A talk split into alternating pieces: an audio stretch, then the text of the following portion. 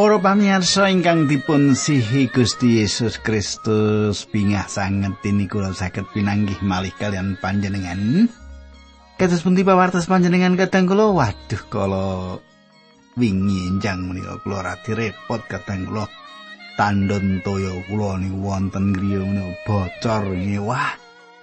Lah wis diiseni pirang-pirang kaya ijik bocor lajeng kula nyuwun tulung kalian satpam kantor. Kabule memperbaiki ngendandosi wah ngantos radi siang. Ora lek dadi-dadi gitu diputer rono melu muter rene ya sing kono melu muter wah pun mbok menawi dol napa terus pundi nggih. Nah menika karepotan kula kamangka kula kesusu kepengin bidal teng kantor bareng. Nggih kala-kala ngatur nggih Gesang menika kok ya ana wae pambengane nggih, barang cilik-cilik menika saged dados pambengan kita mboten nglatosi Gusti. Nah kadang kula kula pendeta pujianto sebagai sesarengan kalian panjenengan ing sata sukta menika. Kados pundi pawartos panjenengan saya saya toh ora ana pambengan apa-apa toh. Kados padatan adicara margi utami badhe sesarengan kalian panjenengan sugeng midhangetaken adicara menika.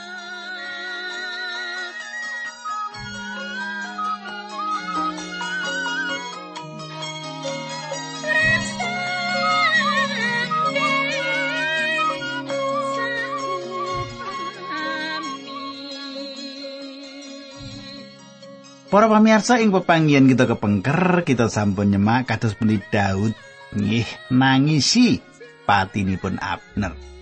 Es kroyo-royo nggawa bojone Mika, Maaka dateng piyambakipun lah kok malah dipateni kali Yoab ki kepiye ya. Nah kata kula kita badhe nglajengaken nanging sadèrèngipun menika kula badhe ngaturaken salam dumateng Ibu Satini nggih. Ah jenenge kaya ibuku nggih Satini nggih. Kados pundi Bu Satini saya saya to mugi-mugi sesarengan kalian kawula nggih saged mirengaken dawuh pangandikanipun Gusti sinau bebarengan. Nah kata kula monggo kita tumungkul kita ndedonga sesarengan. Duh Kanjeng Rama ingkang ada dampar wonten kraton ing kasuwargan kawula ngaturaken gunging panuwun menawi wekdal menika kawula saged tetunggilan kalian sedherek-sedherek kawula ingkang setya tuhu midhangetaken adicara menika. Kawula nyuwun menawi wonten sedherek kawula ingkang sakit paduka sarasaken kudu Gusti menawi wonten ingkang ngorong bab kayekten sepatus ing pepanggihan menika saged ngelegakaken manahipun. Dinambaran asmanipun Gusti kawula Yesus Kristus kawula netunggal haleluya amin.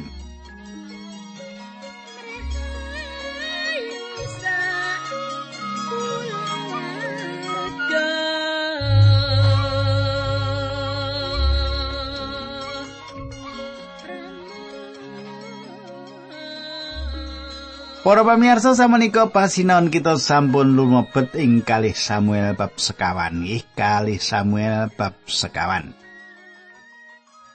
Wekdal kangelanipun bangsa Israel kalang ngejengaken ing pasal menika. Kangelan bangsa menika kasrat kelajenganipun wonten ing pasal menika. Cecongkran antawisipun tiang lebet lan perang sederek dumados sasampunipun pecahipun Saul lan Yonatan. Wekdal ingkang kados mekaten inggih menika wekdal ingkang mrihatosaken tumrapipun umat kagunganipun Allah. Perangan pangandikanipun Gusti Allah menika limrahipun dipun langkungi mekaten kemawon nanging kadang kula kula yakin pilih ayat menika dipun paringaken dumateng kita paling sekedhik wonten kalih sebab. Ongkos tunggal kangge nedahaken dumateng kita minangka keluarga Gusti Yesus lan kangge maringaken sarasilaing panjenenganipun. Lan kaping kalih kangge maringi patuladan dumateng kita. Paulus meratelaken dumateng kita makaten ana dene lakon kabeh mau supaya dadi tulodo kanggo wong-wong liya lan kabeh mau katulis minangka pepiling tumrap kita sing padha urip ing jaman pungkasan. Setunggal Korintus doso ayat 11. Para pamirsa, kita sampun nyemak bilih wonten pambalilo pemberontakan dumateng Daud sasampunipun piyambakipun dipun angkat dados raja atas Yehuda. Abner sampun mimpin pambalilo kanthi ngangkat esi boset larinipun Saul dados raja. Nanging awit Isiboset boten nyarujuki lan ngemutaken babagan anggenipun mendhet seliripun Saul, Abner nilaraken keluarga Saul lan gabung kalian Daud. Menapa ingkang dipun tindakaken menika satunggalipun kalepatan awit Joab sampun ngentosi badhe mejahi Abner kangge mbales anggenipun sengit atas pejahipun Asael sederekipun. Samenika sesampunipun Esi Boset kecalan Abner, panglima perangipun, laskaripun dados ringkih. Piyambakipun mangertos bilih mboten saged malih nyentosakaken kerajaanipun kanthi lumawan Daud tanpa satunggalipun prajurit. Abner sampun dipun pejahi menapa ingkang badhe dipun tindakaken. Abner sampun pejah apa sing arep tak tindaki kateng kula ingkang kula tresnani. Inggih menika menawi tiyang kuwi sumindi dhateng tiyang. Ora sumindi karo Gusti Allah nek kelangan wongi banjur nglokoro bingung. Gusti Allah mboten nate kecalan kasantosan. Awit saking menika panjenengan ketah nyepengi Gusti Allah. Menika rinten kalian dalu aja diwalake sumindi kalian piyambakipun. Sumindi karo menungso kala-kala kuciwa. Gitu Kula lajengaken bab sekawan ayat tunggal ngantos sekawan makaten surasipun. Turune Saul liyane ya kuwi Mephiboset putrane Yonatan. Mephiboset kuwi pincang wiwit nalika umure limang taun. Ya kuwi nalika Saul lan Yonatan nemoni tiwas. Critane nalika ana kabar saka kutha Israel bab tiwase Saul lan Yonatan, mban sing gendong Mephiboset banjur melayu Nanging merga kesusu bocah mau tiba nganti dadi pincangi. Bareng raja Isiboset putrane Saul mireng yen Abner wis dipateni ing Hebron ilang semangati. Kabeh bangsa Israel dadi kiris Isiboset kagungan perwira sing dadi pengediri prajurit jenenge Baana sijine rekap. Perwira mau anake Rimon saka Berot klebu taler Benyamin. Perot kuwi klebu wilayah Benyamin dene sing manggon wiwitan wis padha lolos menyang Kitaim sarta manggon ing kono. Para pamirsa, tiang Perot tundung Saul lan tiang-tiang kalawa mlajeng dhateng Kitaim. Perot kitanipun tiang-tiang kalawa menika dados darpeipun tiang Benyamin. Samenika bab sekawan ayat sekawan Yonatan anak Isaul duwe anak lanang kang cacat sikile Bocah mau umur limang tahun nalika ana kabar bab Saul lan Yonatan saka Israel, mban sing momong ngangkat dhewe ing wekdal iku banjur mlayu nanging awet kesusu playune bocah mau tiba lan dadi pincang. Jenenge bocah mau Mepi Boset. Para pamirsa Mepi Boset satunggalipun nami ingkang boten limrah nanging panjenengan perlu ngimut-imut nami menika. Carios bab Mephiboset lan Daud satunggalipun cara singkang indah sanget ingkang nate dipun cariosaken. Lari menika turunipun Yonatan, ing gesangipun lari menika satunggalipun lare ingkang bebayani lan dados ajripun Daud awit lare menika ingkang gadah hak atas damparing keprabonipun Israel. Nanging awit piyambakipun menika larenipun Yonatan Daud mboten natoni. Daud malah madosi keluarga Saul lan Yonatan kangge ngetingalaken patrap saenipun dumateng keluarga Saul menika. Ayat kang salah 6 perwira loro rekap lan bana mau mangkat menyang kedatone isi boset lan tekaning kono wayahe tengangi nalika semono isi boset lagi sarian wong wadon sing gaweane tunggu mah nalika lagi ngresiki gandum ngantuk banjur keturun mulane rekap lan bana bisa nrusup mlebu Kadang kula perwira kalih menika rekap lan bana satunggalipun perwira ingkang boten migunani tumrap Abner. Ing wekdal tiang kalih menika mangertos Abner sampun pecah lan tiang kalih menika mangertos panguwasipun Daud lan kegiatan Daud tiang kalih menika sarujuk mejahi esi boset. Ing wekdal esi boset sawekti lem ing tempat tiduripun tiang kalih menika mlebet lan mejahi esi boset. Menapa ingkang dipun tindakaken menika satunggalipun patrap ingkang bodho lan gegirisi. Lan patrap ingkang dipun tindakaken menika satunggalipun patrap ingkang lepat kanthi mejahi si boset kekalipun saged bedamen kalian Daud Lan tiang kalih menika pikir Daud badhe nyukani pituwas dumateng tiang kalih atas menapa ingkang dipun tindakaken. Pikire aku gawe jasa. gitu. Wis menika aja ditiru ngaten menika nggih. Tak teruske ayat pitulan wolu.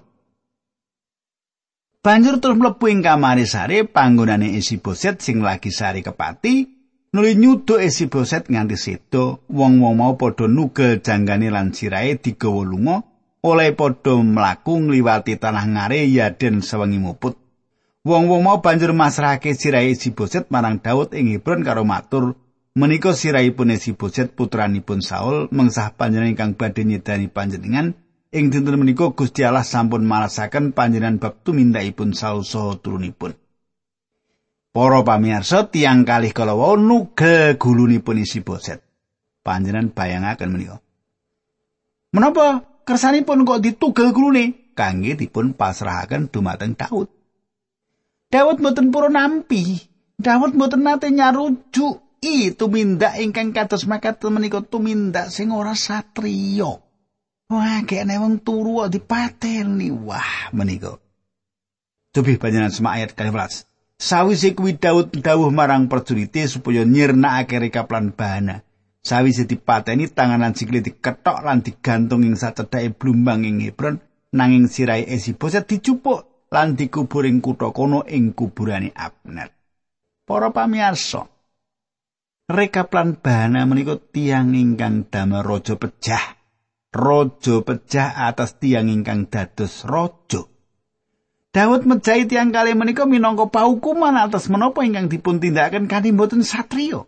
Sewelas taler saking sisi ler ngrumaosi bilih menika mboten wonten pemimpin lan sanget bodho menawi badhe mberontak dumateng Daud. Dados sewelas taler saking sisi ler menika mbudidaya supados saged bedamen. Samenika kita lumebet kali Samuel bab gangsal. Kali Samuel bab gangsal ayat tunggal makaten suraosipun. Sawise kuwi para panggedhene bangsa Israel sowan ing ngarsane Daud ing Hebron lan padha matur, "Kula menika sanak panjenengan." Kadang kula Taler bangsa Israel ngintunaken wakil dumateng Daud. Tiang-tiang menika matur kula sami menika sanak panjenengan. Menika panjeleres menika panjeleres perang sederek menika saestu gegirisi kadang kula. Utaminipun awet talar-talar menika perang antawisipun sederek piyambak. Sesampunipun perang sederek setangunipun pitung tahun perangipun pitung tahun perang sederek menika bangsa Israel menika dados satunggal malih ke bawah pimpinan Daud bangsa Israel dados tunggal malih kabawah pimpinanipun Daud.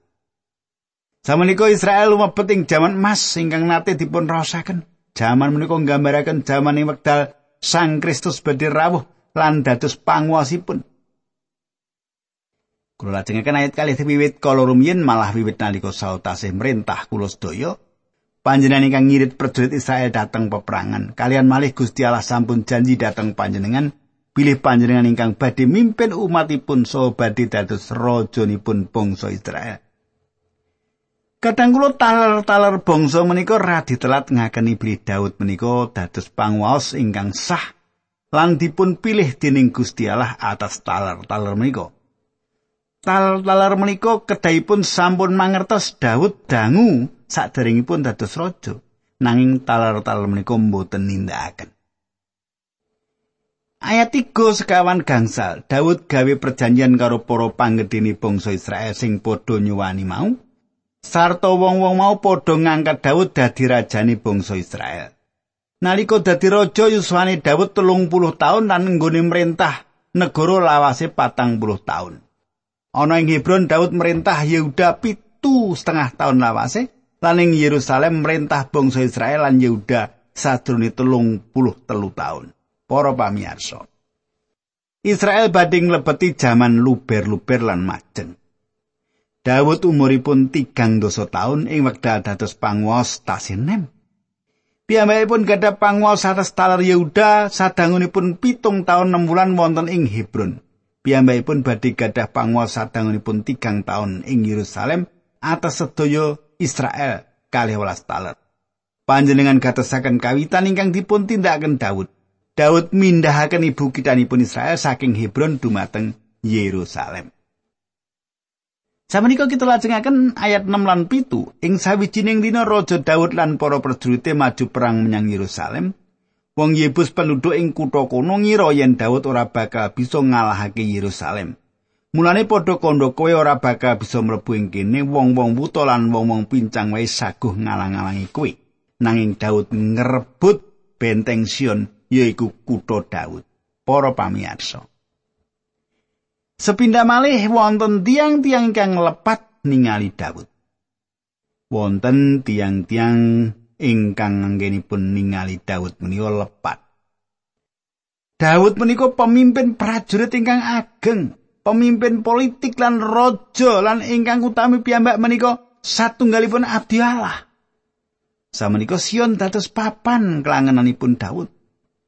Panjenengan sukani tondo ing kitab suci panjenengan. Kulo piyambak sampun nyukani tondo ing perangan menika. Ing jamanipun Daud, Yerusalem mapanipun wonten ngandhap caket ngari Kidron. Tembok ingkang ngupengi kita. Tembok ingkang ngupengi kita menika ing jaman semanten sampun dipun duduk ing ngandhap daerah menika. Kita Yerusalem ingkang samenika langkung caket dhateng Gunung Sion ing pundi keratonipun Daud dipun bangun. Ing sanes wekdal ing sangandhapipun Gunung Sion pedalaman suci Allah dipunetekaken. Daud milih sedaya papan menika. Yerusalem satunggalipun kita Daud. Ing Mazmur-mazmuripun kata-kata piyambakipun meratelaken bab gumuk Sion lan Yerusalem. Pilatus mboten remen kutha menika. Piyambakipun menawi kisah dhateng mriku namung ing dinten-dinten riyaya kemawon. Inggih menika sebabipun piyambakipun wonten ing Yerusalem ing wekdal Gusti Yesus dipun cepeng Piyambakipun wonten ing mriku awit dinten menika inggih menika pas riyaya Paskah. Katang kula Pilatus wonten ing mriku kangge njagi keamanan lan ing wekdal dinten Paskah sampun rampung. Piyambakipun ngaso dhateng Kaisaria ingkang papanipun wonten ing Laut Tengah. Selaras menopo ingkang dipun pratelaken kitab suci, Yerusalem badhe dados ibu kota ageng ing bumi menika. Kita badhe mapan ing Yerusalem enggal ingkang langkung nguntungaken tinimbang Yerusalem ing wonten bumi menika. Kita perlu nyerat ing mriki bilih Daud ngrebut bentengipun Sion. Piyambakipun ngrebut pucuk gunung lan sanes kitanipun saking papan ingkang strategis menika piyambakipun ngrebut kita tiang Yebus menika.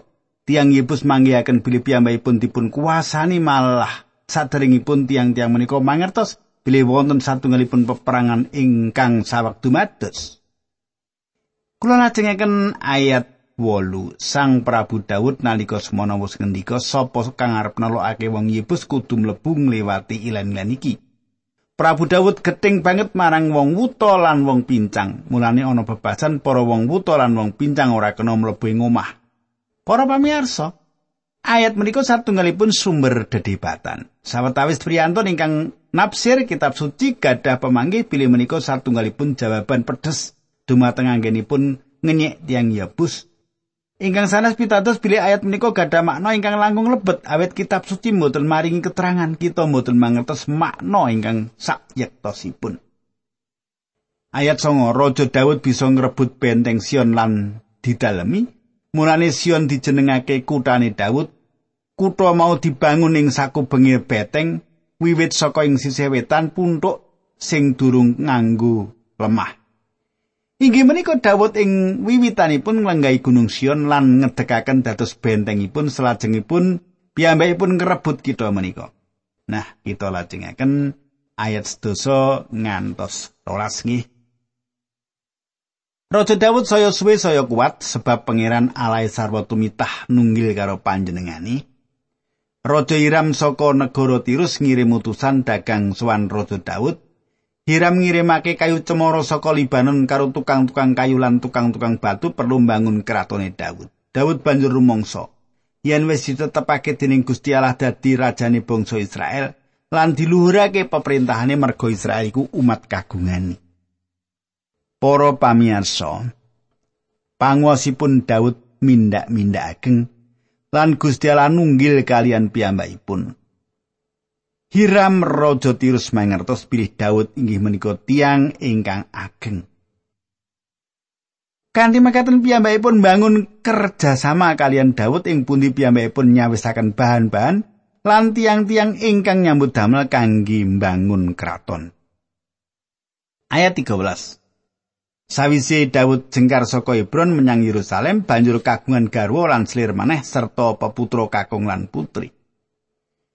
Para pamirsa Gusti Allah mboten maringi pengesahan utawi metre sarujuk atas menapa ingkang dipun tindakaken Daud. Kita badhe manggihaken bilih Gusti Allah kanthi cetha mboten nyarujuki poligami, istri langkung saking setunggal menika.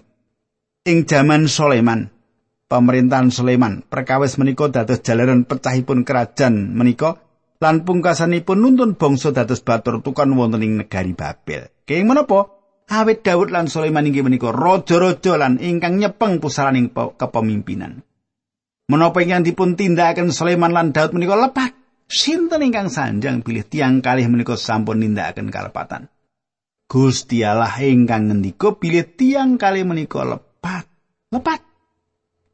Paling boten menika jagat raya menika panjenenganipun ingkang nitahaken Gusti Allah ingkang akarya paugeran-paugeranipun. Sinaosa panjenengan boten remen paugeran Allah menika sae. Gusti Allah boten namung nitahaken kita. Nanging panjenenganipun netepaken paugeran-paugeran kangge gesang kita ingkang badhe nuntun keluarga manungsa dumateng kahanan ingkang paling sae ing salebetipun kebahagiaan lan berkah. Sabenika ayat 14 ngantos 16. Putra-putrane sing lahir ana ing Yerusalem ya kuwi Samua, Sobab, Nathan, Soleman, Yibar, Elisua, Nefek, Yafia, Elisama, Eliada lan Elifelet. Kadang kula kula mboten mangertos gegayutan kalian lari jalan ingkang dipun sebataken kawitan ing salebetipun ayat-ayat menika nanging kula mangertos gegayutan Nathan lan Sulaiman. Saking garis turunipun Nathan medal Maryam, ibunipun Gusti Yesus, saking tedak turunipun Sulaiman lahir Yusuf, kakungipun Maryam. Gusti Yesus Kristus nampi garis turunipun Rahlan nami sebutan ingkang sah dumateng damparing Daud, lumantar Nathan lan Sulaiman. Inggih menika sebabipun keterangan menika dipun serat kangge kita ing mriki.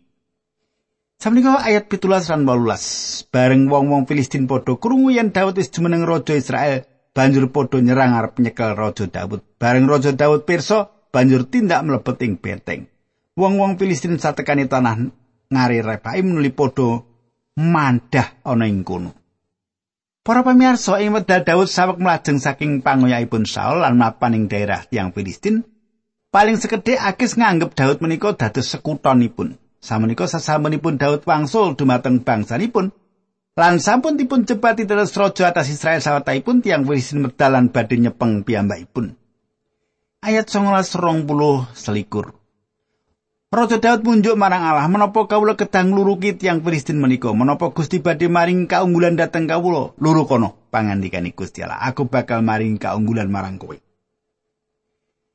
Daud banjur tindak menyang Baal Perasim lan ing kono prajurit Filistin dikalahake banjur ngucap Gusti Allah wis njebol betenging musuhku kaya banjir sing ndadalake apa wae mulane panggonan mau diarani Baal Prasim Baal Prasim ing basa Ibrani ateges Gusti Allah ingkang njebolaken Prajurit Filistin padha mlayu nganti ora kober nggawa recane brahala, reca-reca mau padha dijupuki dening Daud lan para prajurit.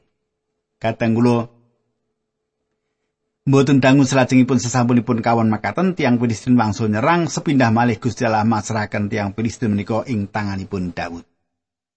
Kadang kula lajeng kados pundi kelajenganipun kula empuni mriki rimiyen nggih, burung tak teruske sok dina candhaki. Badhe kawula lajengaken. Dinten menika monggo kita tumungkul kita ndedonga. Duh Gusti Allah ingkang Maha kawula ngaturaken kuing panuwun. Menawi wekdal menika kawula saged tetunggilan kalian sedherek kawula kawula pasrahaken supados menapa ingkang abdi paduka aturaken menika dados berkah. Dinambaran asmanipun Gusti Yesus Kristus kawula tunggu haleluya amin